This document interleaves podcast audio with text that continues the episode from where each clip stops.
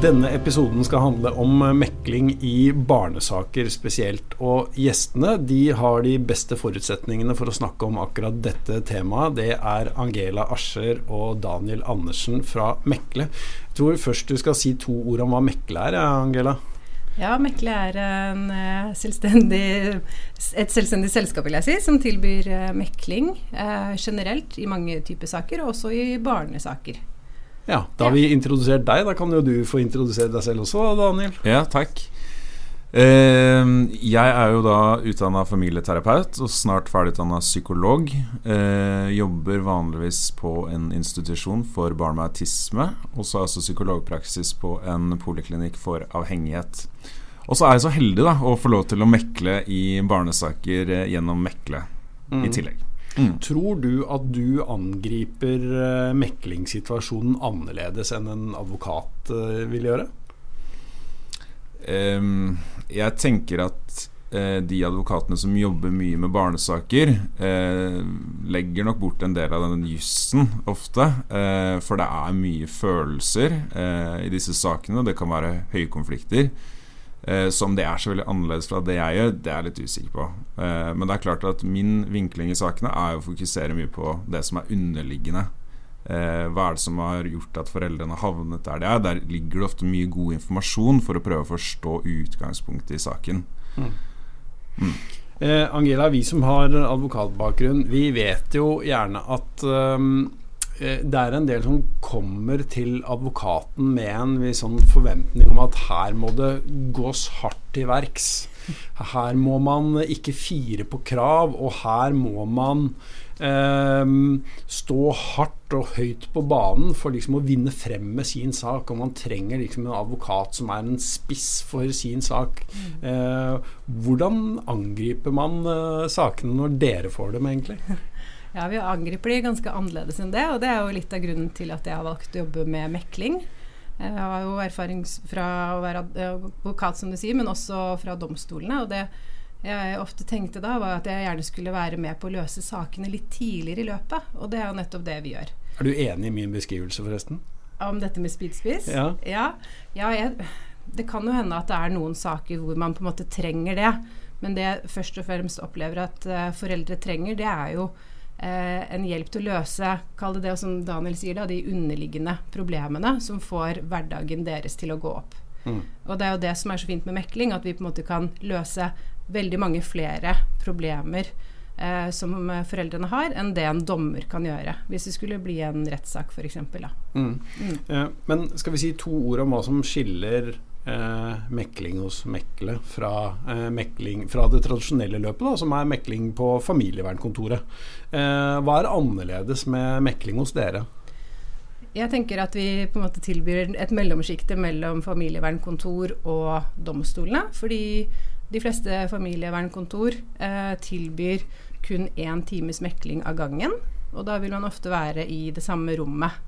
Mens det vi tilbyr, er jo da en mekling som kan eh, hvor vi setter av enten en hel dag, eller hvor vi blir enige om å dele dagen i to, så vi gjør det over to dager. Men foreldrene får i hvert fall nok tid til å kunne snakke om saken sin. Eh, og da starter vi et fellesmøte, sånn som de gjør ved familievernkontorene. Men vi tilbyr også det at man kan snakke med mekler i særmøte. Og da har mekler en plikt til å holde det som eh, foreldrene da forteller, fortrolig. Og da kan man på en måte gi uttrykk for bekymringer, og mekler får en mye mer oversikt over hva er det som er interessen i saken. Og på den måten så kan man da jobbe fram og finne gode tilpassa løsninger for foreldrene i den saken. For ofte så må man kanskje en spydspiss fram for å liksom eh, få så mye at de også kan bestemme noe annet som egentlig er litt mindre. Men hvis vi kan klare å finne ut hva er det de egentlig ønsker en løsning på, f.eks om det gjelder ferier, eller det at de gjerne vil, hvis man er en samværsforelder, gjerne vil ha samvær eh, flere dager. At man på en måte kan finne helt tilpassede løsninger for, eh, for foreldrene, og selvfølgelig barna, i den konkrete saken. Så det er egentlig tid som dere tilbyr en slags eh, overflod av da, når man kommer til dere, fremfor å, det man gjerne har vært igjennom allerede da, på familievernkontoret? Ja, og det vi gjør er jo at vi gjør en vurdering når vi får inn saken, og tenker godt gjennom hva er det som passer for eh, foreldrene i denne saken. For som du skjønner, så er vi jo da både jurister og har eh, kompetanse på psykologi og det barnefaglige, så vi tilpasser også da mekleren til den saken. Eh, og gjør også noen gode betraktninger rundt hvordan vi ønsker å gjennomføre selve meklingsmøtet. Eh, både i forkant, men også i dialog med foreldrene. Sånn at de får en veldig sånn tilpasset måte å gjennomføre meklingen på, ut fra hva de har behov for. Mm.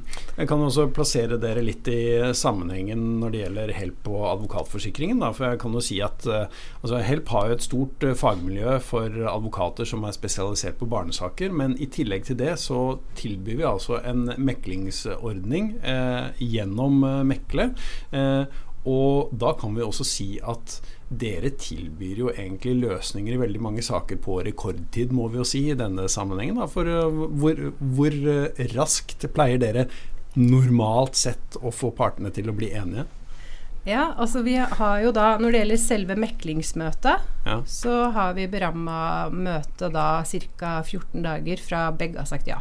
Mm. Så vi er jo veldig tilgjengelige sånn, til å sette opp møter. Eh, og målet er jo at man da kan finne en løsning i det møtet. Det er utgangspunktet vårt. Og så ser vi at i flere saker så er det nødvendig å sette opp flere møter. Kanskje dele det opp litt. Eh, og i andre tilfeller også så har vi den muligheten at vi kan inngå midlertidige avtaler. Sånn at foreldrene da kan komme tilbake når den avtaleperioden er over, for å evaluere hvordan det har gått, og da på en måte eventuelt justere kursen eller bli enige om at den løsningen som vi nå har prøvd, det er den vi ønsker å gå for. Mm. Så da blir det jo et litt lengre løp, selvfølgelig, hvis foreldrene velger det. Men utgangspunktet er jo at man i prinsippet da kan være ferdig å ha en avtale på den første dagen for mekling. Mm. Mm.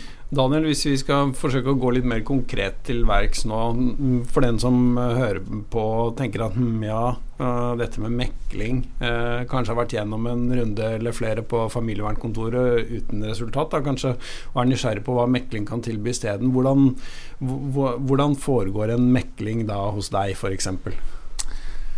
Altså Det første som skjer etter at partene har akseptert, er at jeg som mekler ringer begge partene eh, og gjennomfører eh, en telefonsamtale. Eh, hvor vi bl.a. sikrer at eh, det ikke er noen interessekonflikter, at jeg kjenner partene fra før, i tillegg til at jeg også får høre hva som er viktig for eh, foreldrene i meklingen, uten at vi går inn i selve saken. Eh, når vi da møtes til første meklingsmøte, så starter vi, som Angela forklarte i stad, i et felles rom. Dette er jo da digital mekling, så vi sitter foran skjerm alle tre. Da innleder jeg, eh, forteller litt om spillereglene for mekling, sier litt om tidsaspektet for det konkrete møtet.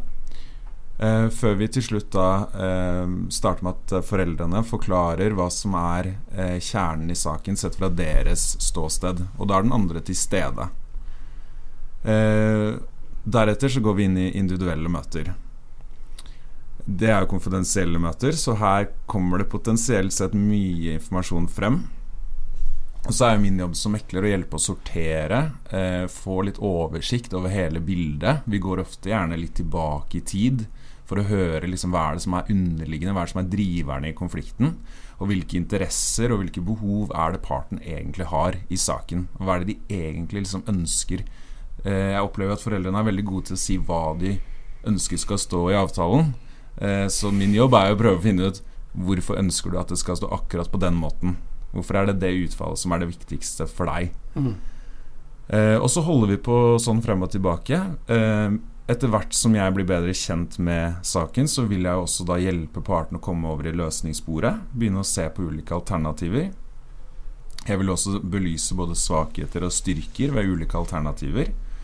Og forhåpentligvis så kommer vi til slutt på altså lande på et alternativ som fungerer for begge partene, og vi kan signere da enten i møtet, eller om vi da eh, har et annet møte fordi at vi skal prøve ut en avtale over tid. Som også er vanlige barnesaker. da mm. Hvor mye hjelper det deg at du er psykolog? um, godt spørsmål. Um, altså Som mekler så skal jo ikke jeg mene så veldig mye. Um, men noen ganger så kan jeg utvalge meg litt på et generelt plan om hva barn i ulike aldersgrupper har behov for. Uh, og jeg kan jo også si noe om eh, dersom det er samværsvegring, f.eks., at barnet vegrer seg for å dra på samvær, eh, hvordan man kan forstå det. Eh, ofte så vil jo foreldrene tenke at det handler om at den andre forelderen ikke lar barnet dra eller setter opp barnet, men, men det er veldig mange andre måter å forstå samværsvegring på. Um, og så tror jeg det hjelper meg at uh, jeg er jo vant til å stå i høykonfliktsaker i terapirommet, uh, hvor det blir høy temperatur. Eh, så det er liksom ikke noe som er uvant for meg. Og, og det å liksom anerkjenne følelser, hjelpe partene og sette ord på det, bruker vi også mye tid på i sakene dersom det er viktig for partene. da mm. Eh, det høres jo egentlig ut som eh, advokater og psykologer burde jobbe i team eh, med meklingssaker, Angela? Ja, og det gjør vi også i en viss grad, faktisk. Så vi har jo et skreddersydd opplegg i barnesaker, hvor vi jobber litt i team dersom det fungerer bra for, for partene i den saken. Så vi har et tett samarbeid. Mm. Um, men um, når vi snakker om uh, hvor vellykket mekling kan fungere, da, så hører det også med til historien at uh, de som kommer til dere, har jo allerede samtykket til å forsøke å sette seg ned rundt bordet og bli enige. Sånn at uh, det, det, er jo da mange saker hvor partene står mye lenger fra hverandre. Så uh, det er jo kanskje ikke så rart at hva skal vi si, suksessraten hos dere er stor. Ja, både ja og nei. Altså, vi vet jo på en måte ikke alt om hvilke saker dere får inn, og bredden i det. Vi vet jo selvsagt noe om det. Men, men, men, det som vi jo på en måte kan tilby som er veldig bra, og som vi også ser i mange av sakene våre, er at alternativet til foreldrene er egentlig mye dårligere. Da. At de enten må vente veldig mye lenger for å få hjelp i, i domstolsapparatet. Eh, og de må på en måte jobbe seg mye mer inn i konflikten.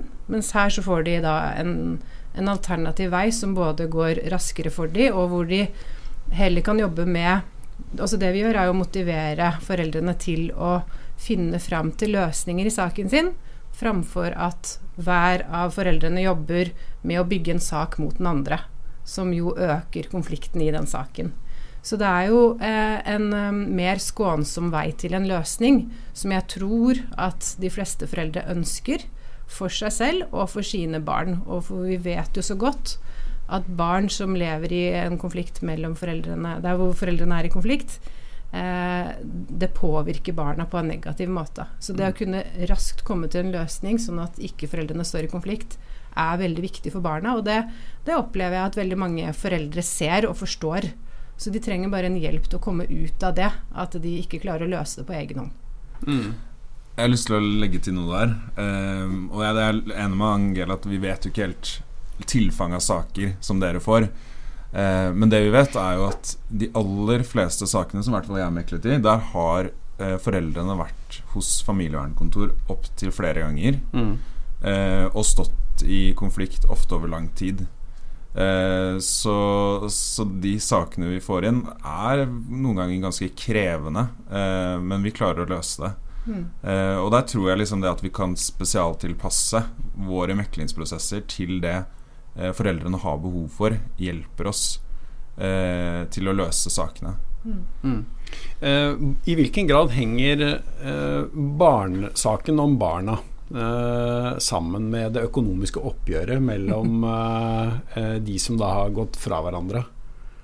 Det kan være en tett link der, men der er vi jo veldig nøye på at det er to separate saker i så fall. Og ja, Så dere satser ikke på det, det, er ikke noen forutsetning at man løser begge deler i meklingen? Nei, fordi det er jo veldig viktig også knyttet til vurderinger rundt hva som er barnets beste. At man ikke har noen økonomiske betraktninger rundt hvor barna skal være, f.eks. Ut ifra hvem som får hvilke midler, eller uh, osv. Ja, men går det, da? Hæ? Ja, Nei, er det, det, mulig, det, da? det vi gjør, er jo at vi ser at eh, og det kan være litt sånn høna i egget hvilken sak som kommer først til oss. For vi mekler jo også i økonomiske oppgjør både mellom ektefeller og samboere. Enten så får vi da inn et ønske om at de ønsker å mekle den saken, eller barnesaken, hvor man da kan se at de ikke har løst det andre da, mm. av de to typene. Uh, og uh, ikke sjelden så har jeg da meklet uh, saker hvor jeg først har løst det økonomiske oppgjøret, og så mekler vi saken knyttet til barna etterpå. For da er det ikke noen økonomiske eh, strings inn i barnesaken, for å si det sånn. Eh, så da, og da er det viktig at man på en måte eh, deler det litt opp i tid også, sånn at man ikke ja, setter kanskje en, en, uke imellom, da, så man på en måte får fordøyd litt det, den forrige meklingen før man går inn i det. Men mm. uh, veldig mange foreldre opplever det har uh, god nytte av det. Sånn at de får på en måte ja, godt på plass hvordan ting skal bli framover. At man løser begge deler. For det, ja, det kan være sammenvevd, men man må da sortere de to tingene i to ulike spor. Da, to mm. ulike meklinger, hvis de ønsker det. Det at man setter seg ned rundt uh, meklingsbordet, det forutsetter jo at man er enige om å prøve. Uh, men uh, jeg hadde egentlig tenkt å spørre dere om hvilke, hvilke, barnesaker egner seg best for mekling, og hvilke egner seg ikke så godt. Men sannheten er jo egentlig at dette vet vi vel ikke helt ennå. Fordi at det er litt tidlig å si hvilke saker som kommer til å komme tilbake til advokatene hos oss, da, fordi at partene det viste seg at de klarte ikke å bli enige allikevel. Og mm. hvilke, hvilke, avtaler som da blir varige. Men jeg kan jo stille spørsmålet litt annerledes. Hvilke saker tror dere egner seg for varige løsninger da, hos dere? Mm. Så vi tror jo at de aller fleste saker egner seg ja. for varige løsninger, fordi vi nettopp jobber med den underliggende konflikten. Og vi motiverer foreldrene til å finne en løsning som er bra for dem. Og jeg tror at det, eh, at man har da en egen motivasjon i at man jobber fram en løsning, og at det er den det har blitt, da. Mm. Også på en måte hjelper en til å på en måte være, ønske å være forpliktet til å fortsette i det, i det sporet. Så det tenker jeg absolutt. Og så er det ikke sjelden at vi på en måte på papiret kan tenke at oi, dette er en vanskelig sak, eller dette handler om noe som kanskje kan bli vanskelig å løse. Eh, men vi må på en måte gå inn i det for å se, og, og, som regel så er det gode veier ut av det likevel. Så det er på en måte lett å beskrive det som en vanskelig sak. Man opplever at sin sak har noe ved seg som gjør den så spesiell at ikke det går. Og det har jeg vel egentlig til gode at ikke løser seg egentlig, da. Så det er i kun noen få tilfeller hvor det f.eks. er snakk om flytting eller bosted, hvor man ikke klarer å finne noen sånne mellomløsninger. Som regel klarer vi det også i de sakene, men hvor de da på en måte må overgi saken til en dommer som tar den beslutningen. Det tenker jeg egentlig er det eneste utgangspunktet. ja. Og så er det jo selvsagt uh, dette at det baserer seg på frivillighet, som du sier. Og at vi ikke tar saker der det er mistanke om omsorgssvikt eller vold og rus. Mm. Så det er på en måte alle de andre sakene. Mm. Daniel, du var inne på at uh, meklingen foregår jo digitalt. Mm -hmm. uh, er ikke det vanskelig å sette seg ned med parter digitalt, egentlig? Uh, nei, snarere tvert om. Mm. det er jo forskning som har vist at man kommer raskere til løsning gjennom digital mekling. man vet ikke helt hvorfor, men Eh, hvis jeg skal eh, tenke litt psykologisk rundt det, så vil jeg jo tenke at det handler noe om eh, det der at du blir ganske følelsesmessig aktivert. Hvis du skal møte opp på et eh, kontor, sitte mm. Ansikt til ansikt med din tidligere partner. Bare det liksom kjøre inn altså Det er mange sånne som la, lader opp da, til at du skal være i et fysisk møte. Mens hos oss så kan du jo sitte hjemme i din egen stue. Du kan sitte i pysjamasen hvis du ønsker eh, komfortabelt. Du trenger ikke å møte partneren din fysisk. Eh, så, så, jeg vil jo heller si tvert om. Eh, jeg opplever at, eh, at partene Det kan bli høy temperatur. Mm -hmm. men jeg syns at jeg har opplevd høyere temperatur i terapirom, for å si det sånn. Mm. Ja, fordi jeg ville kanskje tro da at eh, det kan være en fare for at man ikke tar det som skjer i meklingen helt på alvor fordi man ikke sitter samme sted. Ja, det er ikke min opplevelse. Eh, jeg opplever at de som kommer til oss, eh, tar dette på aller høyeste alvor. De har ofte forberedt seg godt og tenkt mye. Noen har grudd seg litt, og det forstår jeg veldig godt. Så, så jeg opplever det ikke på den måten i det hele tatt. Så er det jo en tilleggsdimensjon, og det er jo det at ved en digital plattform så kan vi også dele dokumenter. Mm. Så vi jobber jo veldig praktisk med foreldrene. F.eks. For hvis det er snakk om å fordele samvær over en, eh, en turnusperiode, f.eks. Så kan man jo da sitte med et stort dokument som viser alle dagene i den perioden. Og så kan man sitte Ja, men hva skjer hvis Per kommer den dagen isteden? Og så kan man på en måte sitte og, og jobbe seg fram til løsninger, da, sånn at man sammen sitter og, og ser hvordan det blir. Eh, og vi jobber også med avtaletekst og deler en del dokumenter. Og det hjelper også foreldrene til å på en måte bli litt sånn praktiske i det at de også har lyst til å hjelpe til å finne den løsningen. Da. Det blir på en måte en sånn samarbeidsarena. Så man oppnår egentlig ganske mye med den digitale plattformen. Mm. Så er det klart at i, når vi har disse individuelle møtene, og mesteparten av dagen består av individuelle møter, og da er jo den andre forelderen fri til å trekke seg litt tilbake, ta en kaffekopp, gå og trekke litt frisk luft. Eh, og det tror jeg også er viktig i våre prosesser. At vi har Det, det er masse pauser i løpet av dagen. Mm. Eh, og det gjør at folk ikke blir for slitne, og de klarer å være konstruktive i de møtene som vi har da, sammen. Mm. Du, eh, etter barneloven så skal barna bli hørt fra de er ganske eh, små. Det har de krav på. I hvilken grad liksom, føler dere at dere klarer å ivareta barnas interesser eh, oppi dette? Ja, det skal vi jo, tenker jeg. Det, det er et krav eh, som vi setter. Så fra syv år så skal man jo gjennomføre barnesamtaler. Og fra de er tolv år, sier vi jo til foreldrene, så skal på en måte det de sier, skal jo tillegges eh, betydelig vekt. Um, så vi gjennomfører eh, barnesamtaler. Uh, og så er det noen saker som vi på en måte ser at det det handler om, er først og fremst kall det foreldresamarbeid. Da. At det foreldrene trenger, er egentlig å snakke mer om hvordan de samarbeider seg imellom. Um, men hvis det er på en måte noe mer enn det, så må vi jo høre barnet. Og det innebærer også at uh, begge foreldrene må samtykke til det. Og at vi blir veldig klare på hvordan spillereglene for det er, sånn at begge foreldrene vet hvordan det skal skje, og hva som skal komme ut av det. Eh, og at eh, barnet selvsagt også eh, får vite det på forhånd og i møtet, eh, eller i samtalene. Mm. Eh, Daniel, er det riktig å si at uh, noen av hindringene som ligger i veien, eller som må ryddes vekk da, før man kan bli enige om en avtale som har med f.eks. samvær eller fast bosted å, gjøre, det handler om at uh, den ene har en oppfatning av den andres egenskaper som forelder som kan være mer eller mindre godt begrunnet? Mm. Det kan være i enkelte saker. Um, jeg tenker at i noen saker som har pågått over lang tid, hvor det har vært uh, høyt konfliktnivå, ja. uh, så er det jo ganske vanlig at man på et eller annet tidspunkt begynner å beskylde hverandre for en hel masse saker. Um, og det bruker vi jo mye tid Dersom vi møter det i en mekling, så bruker vi en del tid på å rydde litt i det. Uh, og få egentlig foreldrene til å snakke litt ut om hva de egentlig tenker, så er det ikke alltid det er så ille eh, som det man tror. Det her kan jo være eh, foreldre som ikke har snakket direkte på mange år. Kanskje kommunikasjonen har gått via en besteforelder eller en nabo. Det skjer jo enkelte tilfeller. Eh, så hos oss så har vi også mulighet til å gå litt i det og forsøke å sette litt ord på det hvis det er nødvendig. Det er ikke alltid det er det.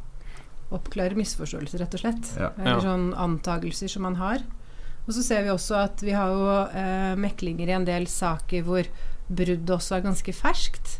Og det hvor da foreldrene da skal gå over en ny fase hvor de Det de skal gjøre, da, er å lære seg til å samarbeide til det beste for barna. De skal gå ut av rollen eh, fra å være partnere. Og da at man også da på en måte har en antagelse om hvordan den andre vil være som aleneforelder, da.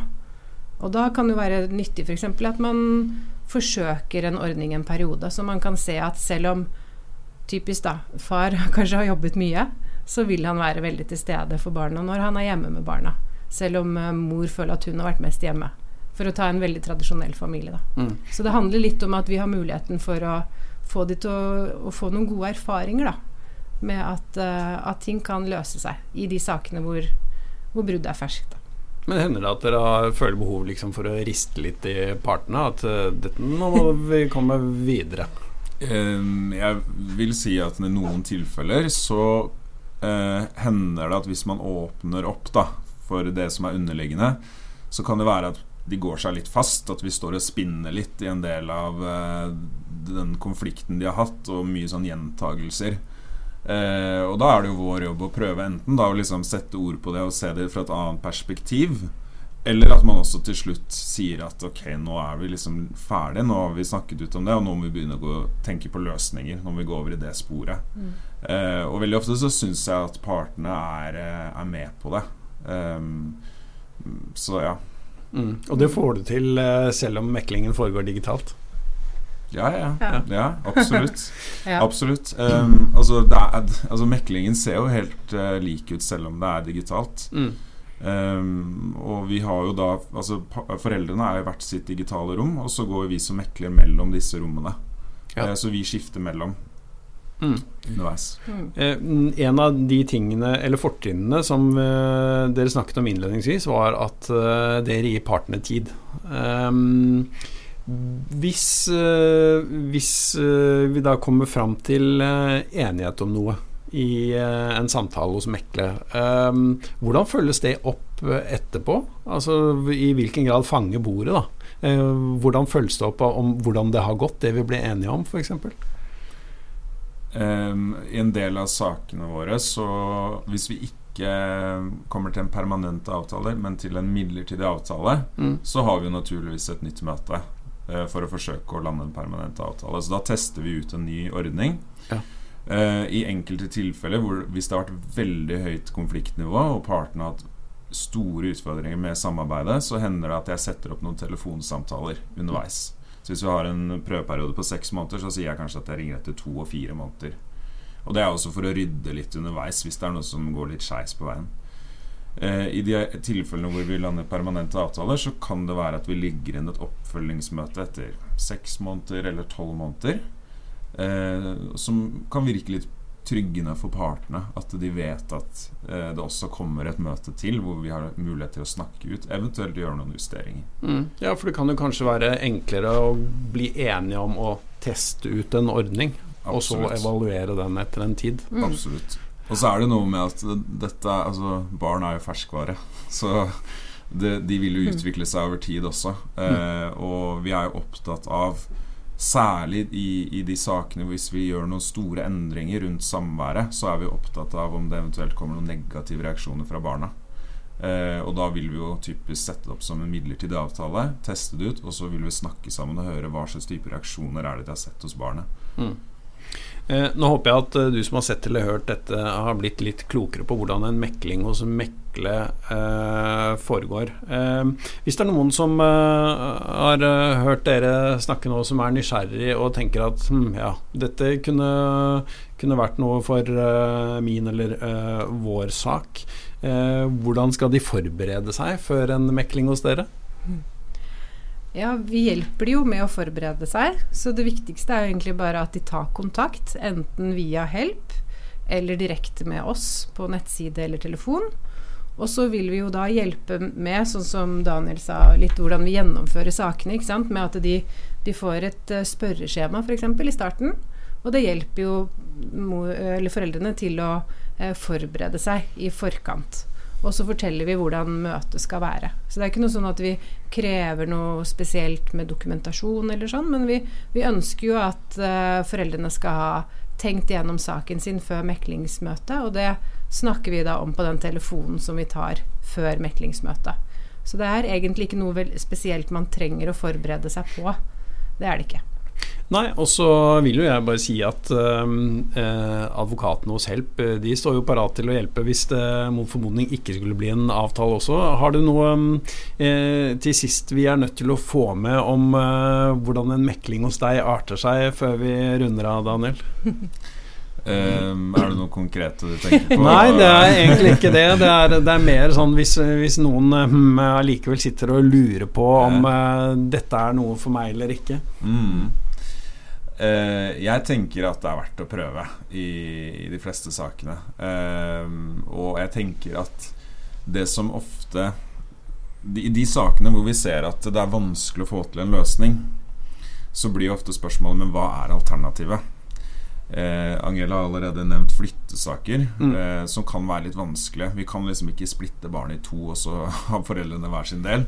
Eh, så det er liksom enten så skal barnet bo fast det ene eller andre stedet. Hvis det er mm. langt unna, da. Hvis det er to-tre timer å kjøre, f.eks. Eh, og i sånne typer saker da, så kan jo liksom spørsmålet bli Ok, men hvis ikke vi lander det nå, hva er alternativet? Alternativet er at man går inn i retten, og så er det en dommer som tar den avgjørelsen. Da har man ingen rådighet over hva som skjer. Men hos oss så kan vi legge opp til noen gode ordninger som ivaretar at den forelderen som da ikke har fast bosted, kanskje får litt mer ferier, får litt lengre helger. Så vi Mm. kan liksom kompensere det opp på en helt annen måte som vi blir enige om sammen. Eh, og ofte så ser jo partene at det er et ganske godt alternativ, da. Framfor at man liksom bare gir fra seg beslutningen til en helt annen. Ja, du har muligheten til å ha eierskap til eh, den løsningen dere kom fram til på en litt annen måte enn eh, hvis eh, saken ender i retten. Mm. Kan det være en eh, verdig avslutning også å minne om eh, noe jeg har lest meg til, at eh, eh, nemlig at eh, det er av stor verdi for barna, som vi snakker om eh, her i dag, eh, at foreldrene blir enige. Eh, og det er ikke alltid like viktig hva de blir enige om, bare de er enige. Selvfølgelig. Og det er jo Jeg tenker at eh, vi har jo fokus på barnets beste i, i våre meklinger. Eh, og det er også litt vår jobb som meklere er vel liksom å være liksom talere for barna. Ikke sant? Eh, og finne gode løsninger som er til det til beste for barnet. Mm. Eh, så det har vi med oss hele veien. Da lar vi det bli siste ord. Takk til Angela Ascher og Daniel Andersen fra Mekle, og eh, takk for at du så hørte på Help-podden.